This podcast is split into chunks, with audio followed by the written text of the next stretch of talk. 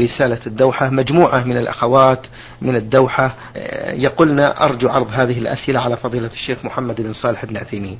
السؤال الأول ما رأي فضيلتكم في الاحتفاظ بالصور بالبوم؟ وهل هذه الصور تمنع من دخول الملائكة في البيوت؟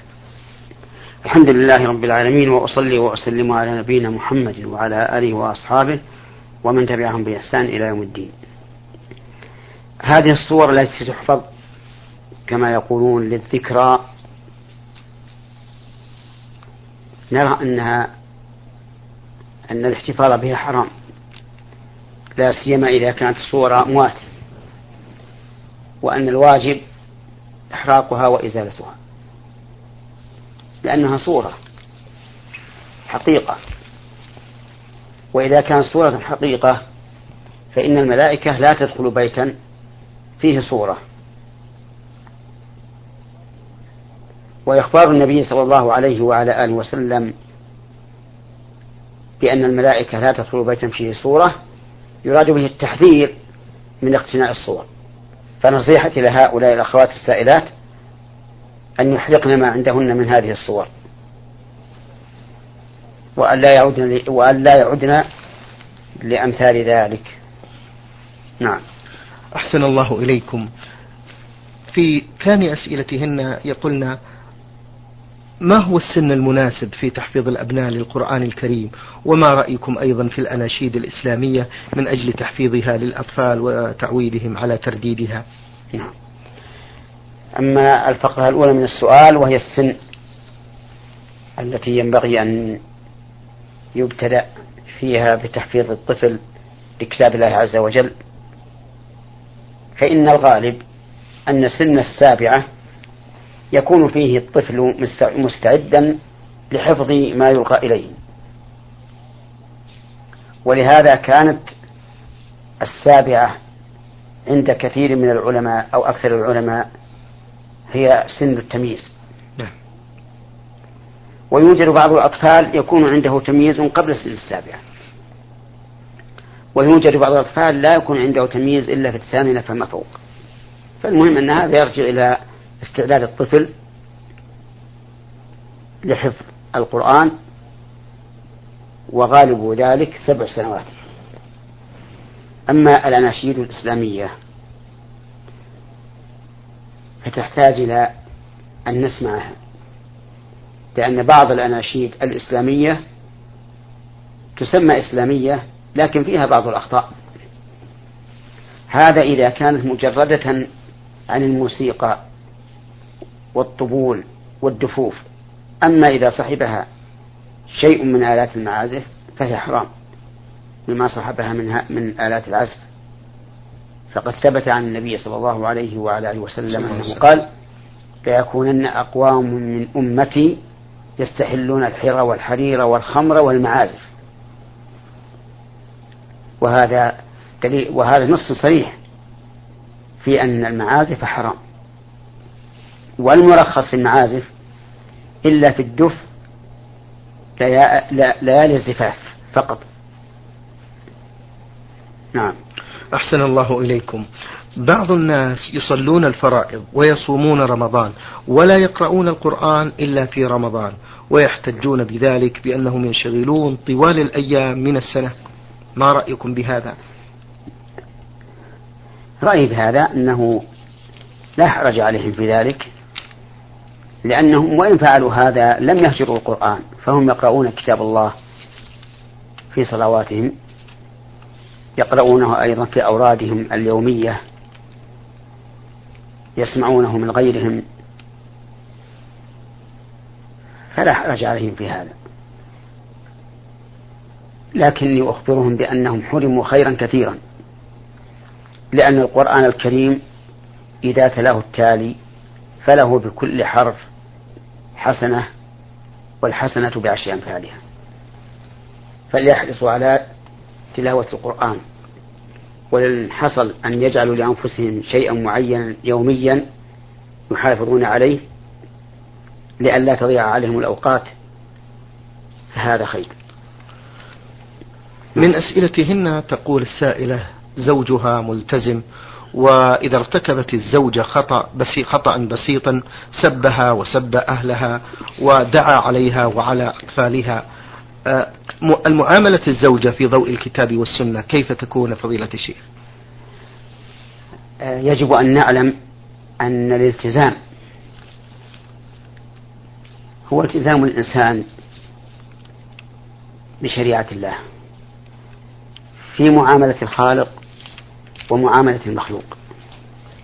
وكثير من الناس يفهمون أن الالتزام, أن الالتزام هو التزام الإنسان بطاعة الله أي بمعاملته لربه عز وجل. وهذا نقص في الفهم. فلو وجدنا رجلا ملتزما في في معاملة الله محافظا على الصلوات. كثير الصدقات. يصوم. يحج.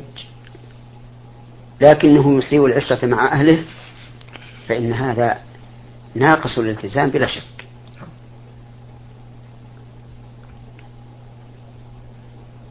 وقد قال النبي عليه الصلاة والسلام خيركم خيركم لأهله وأنا خيركم لأهلي.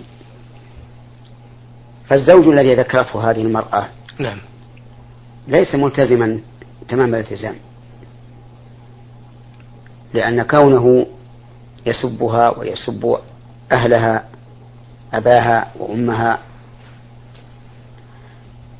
لأدنى سبب لا يدل على الالتزام في هذه المعاملة الخاصة. وقد قال سبحانه وتعالى في كتابه وعاشروهن بالمعروف.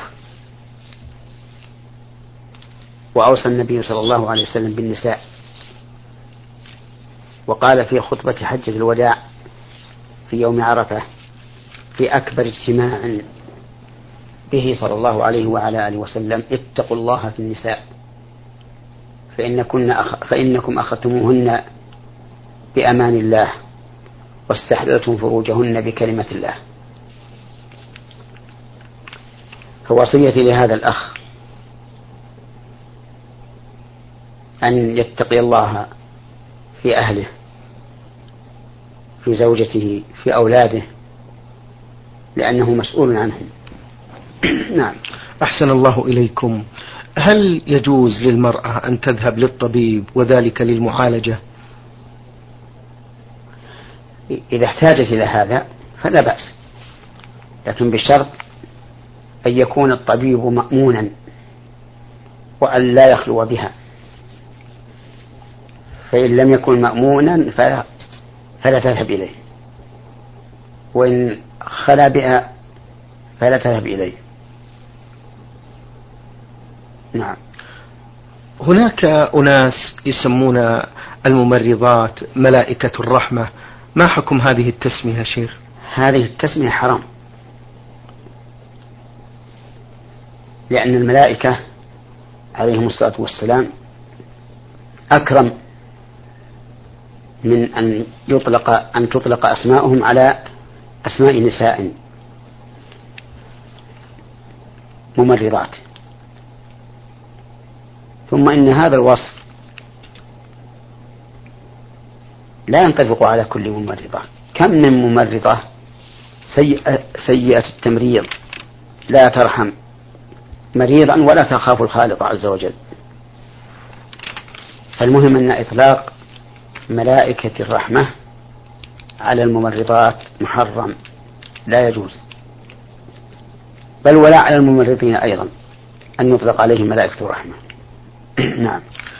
في آخر أسئلتهن هذا السؤال يقولنا فضيلة الشيخ هل يجوز للزوج أن يهجر زوجته طوال السنة ينام في غرفة والزوجة تنام في غرفة أخرى مع, مع أنها لم تعمل له شيء؟ أما إذا كانت المرأة قد قامت بالواجب فإن هجر الزوج لها محرم. لقول الله تعالى فإن أطعنكم فلا تبغوا عليهن سبيلا إن الله كان عليا كبيرا. فتأمل قوله تعالى إن الله كان عليكم رقيب أي أن الله كان عليا كبيرا. كيف يدل على أنه إذا أن على أن هذا الزوج الذي هجر زوجته أو نشز عنها مع قيامها بحقه إذا كان الحامل له على على ذلك العلو العلو والاستكبار فإن الله تعالى أعلى منه وأكبر منه. فعليه أن يتوب إلى الله وأن يخشى العلي الكبير جل وعلا. أما إذا كانت ناشزا لا تقوم بحقه فله أن يهجرها في المضجع حتى تستقيم. وأما في الكلام فلا يهجرها فوق ثلاثة أيام.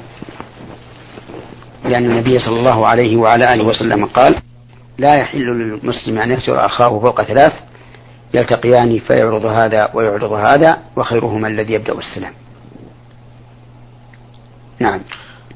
جزاكم الله خيرا فضيلة الشيخ. أبو عبد الله سعيد يذكر في رسالته ويقول يبلغ من العمر الثامنة والعشرين وقبل هذا الوقت يقول كنت مسرف على نفسي ولكن هداني الله عز وجل والحمد لله الحمد لله.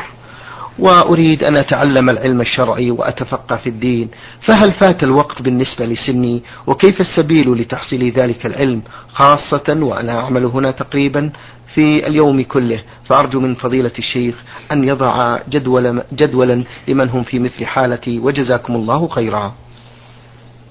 أقول الحمد لله الذي هداه وأسأل الله لي وله الثبات. اللهم أمين. على الحق. أما فيما يتعلق بسنه فإنه لم يفت الأوان والحمد لله.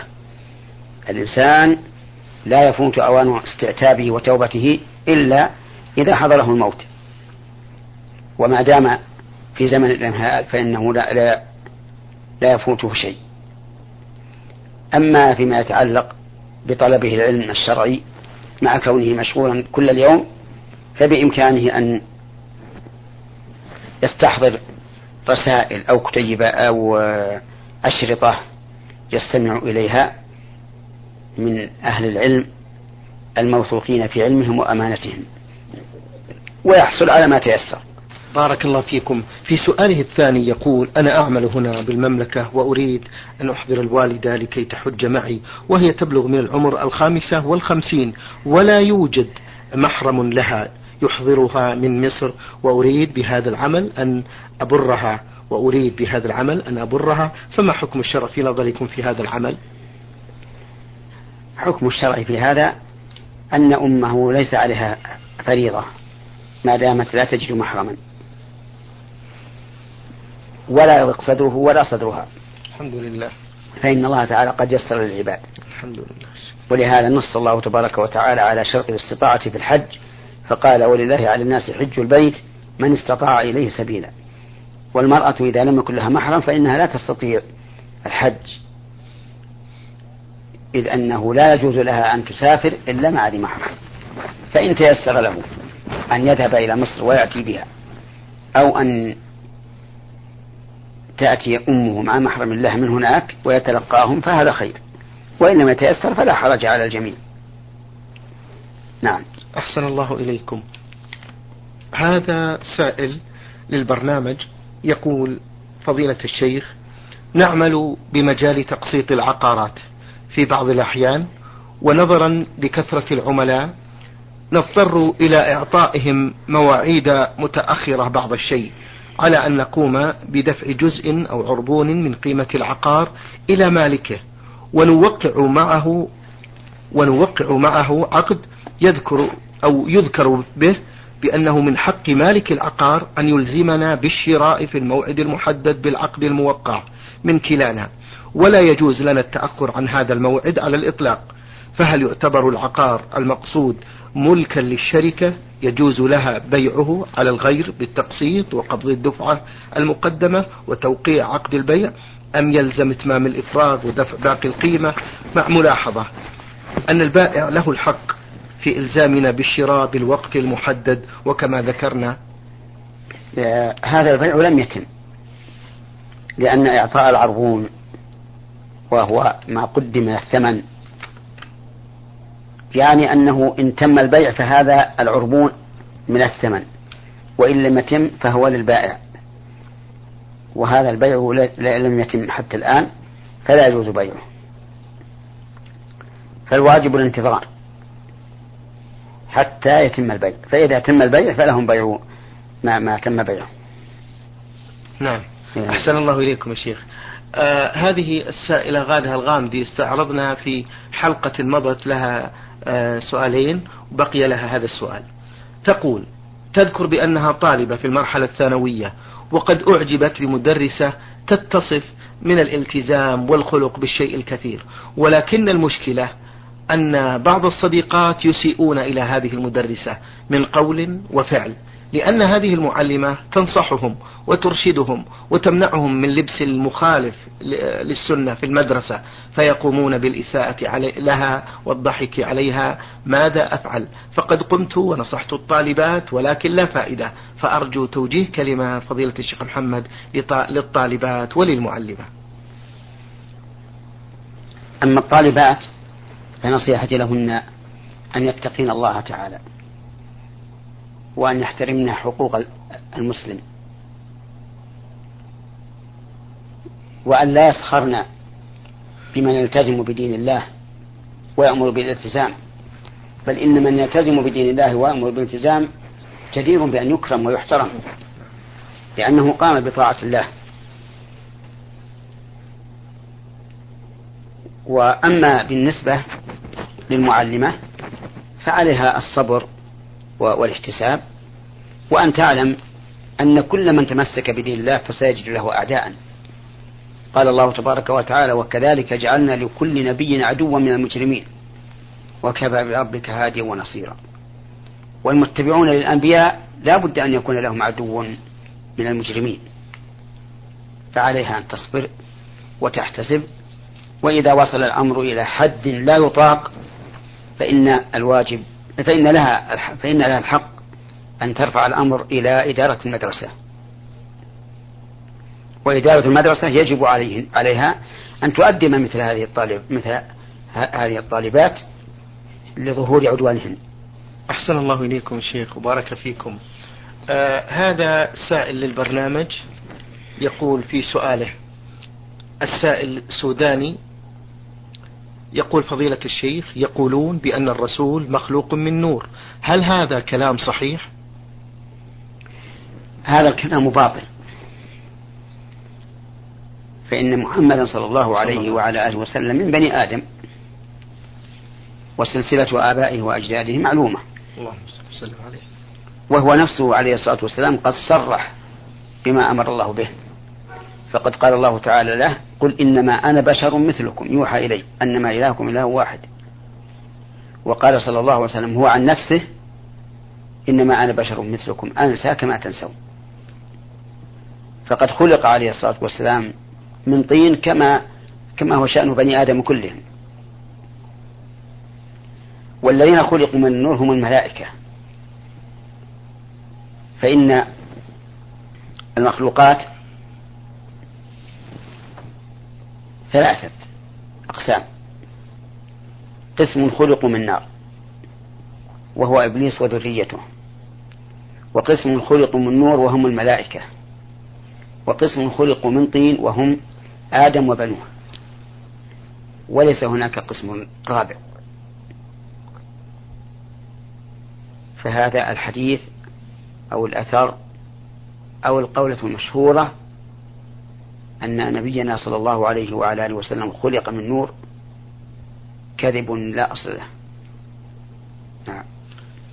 جزاكم الله خيرا. في ثاني أسئلة هذا السائل من السودان يقول الرسول يقول الرسول فيه بأن أعمال العباد تعرض عليه وهو في قبره. هل هذا حديث صحيح؟ نعم.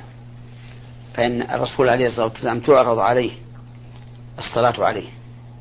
يعني إذا صلينا على النبي صلى الله عليه وسلم فإنها تعرض عليه وتبلغه أينما كنا. أما سائر أعمالنا فلا يحضرني الآن هل هو صحيح أو غير صحيح. نعم. أيضا في فقرة الله يا شيخ يقولون من آه أن الرسول صلى الله عليه وسلم وهو في قبره يسمع ويرد وضحوا لنا كيف يكون ذلك في حياته. والذين يقولون هذا الكلام يستندون للآية الكريمة ولا تحسبن الذين قتلوا في سبيل الله أمواتا بل أحياء عند ربهم يرزقون. وإذا كان الشهداء أحياء فكيف لا يكون الرسول صلى الله عليه وسلم هذا في قولهم؟ نعم.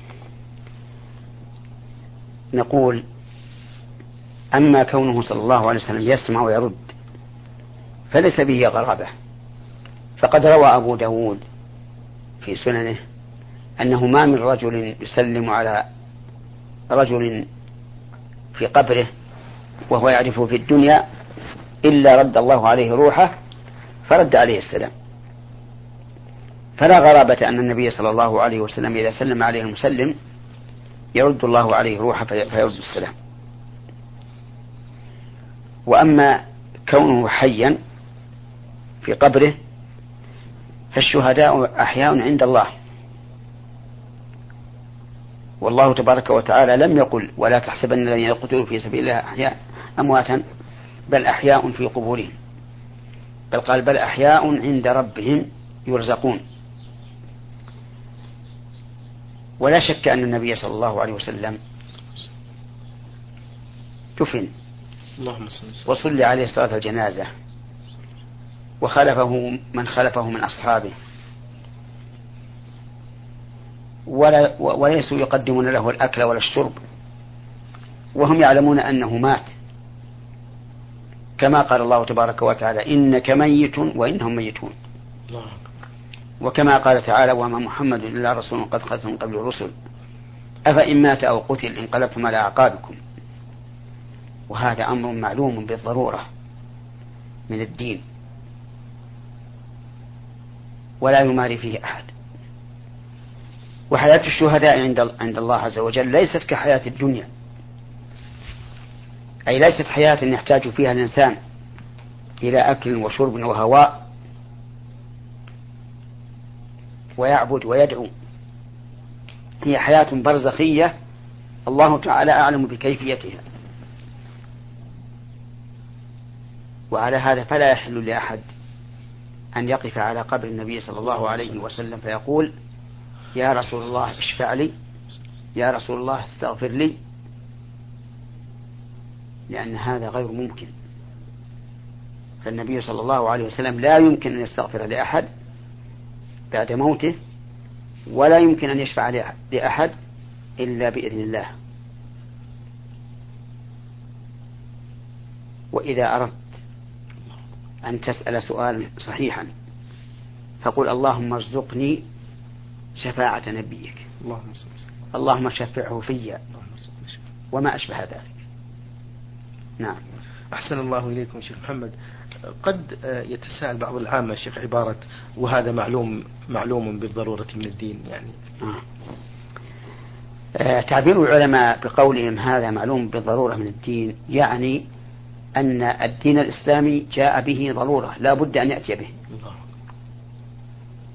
فمثلا وجوب الصلوات الخمس. معلوم بضرورة من الدين. تحريم الخمر بعد أن حرمت كذلك. فالشيء الذي لا يمكن أحدا من المسلمين جهله هو المعلوم بالضرورة من الدين. أحسن الله إليكم وبارك فيكم وفي علمكم. هل الدعاء في المقابر جائز؟ يذهب البعض من الناس إلى المقابر ويدعون ويقولون ندعو للأموات. أما الخروج إلى المقابر والسلام على أهل القبور والدعاء لهم فهذا سنة. جاء عن النبي صلى الله عليه وسلم. وأما الخروج إلى المقابر لدعاء الله تعالى عندها فهذا بدعة بدعة منكرة. فإن فإن الله تعالى يدعى في كل مكان إلا في الأماكن القذرة التي ينزه الله تبارك وتعالى عن دعائه فيها. فهو يدعى في المساجد وفي البيوت وفي الأسواق وفي كل مكان. ولم يرد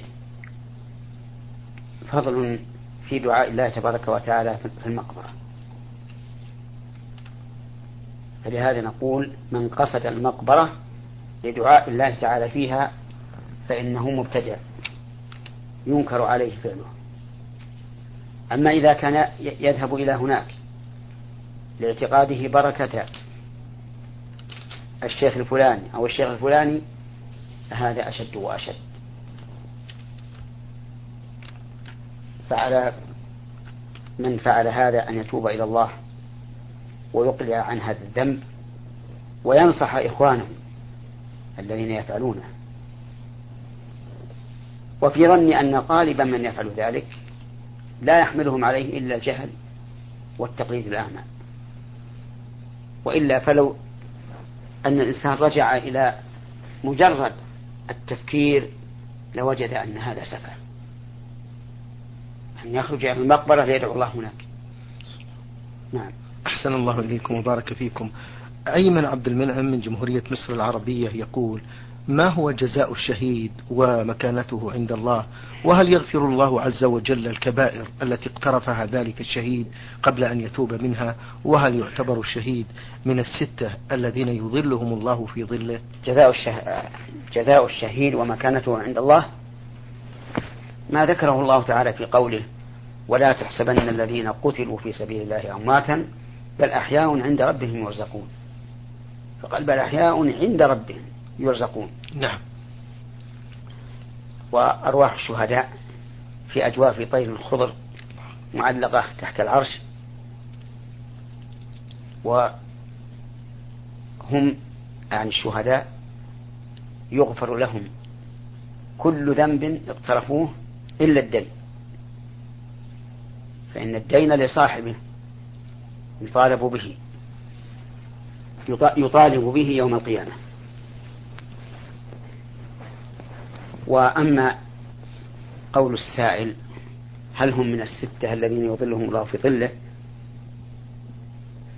فقد غلط في قوله الستة لأن الذي ورد فيهم الحديث سبعة.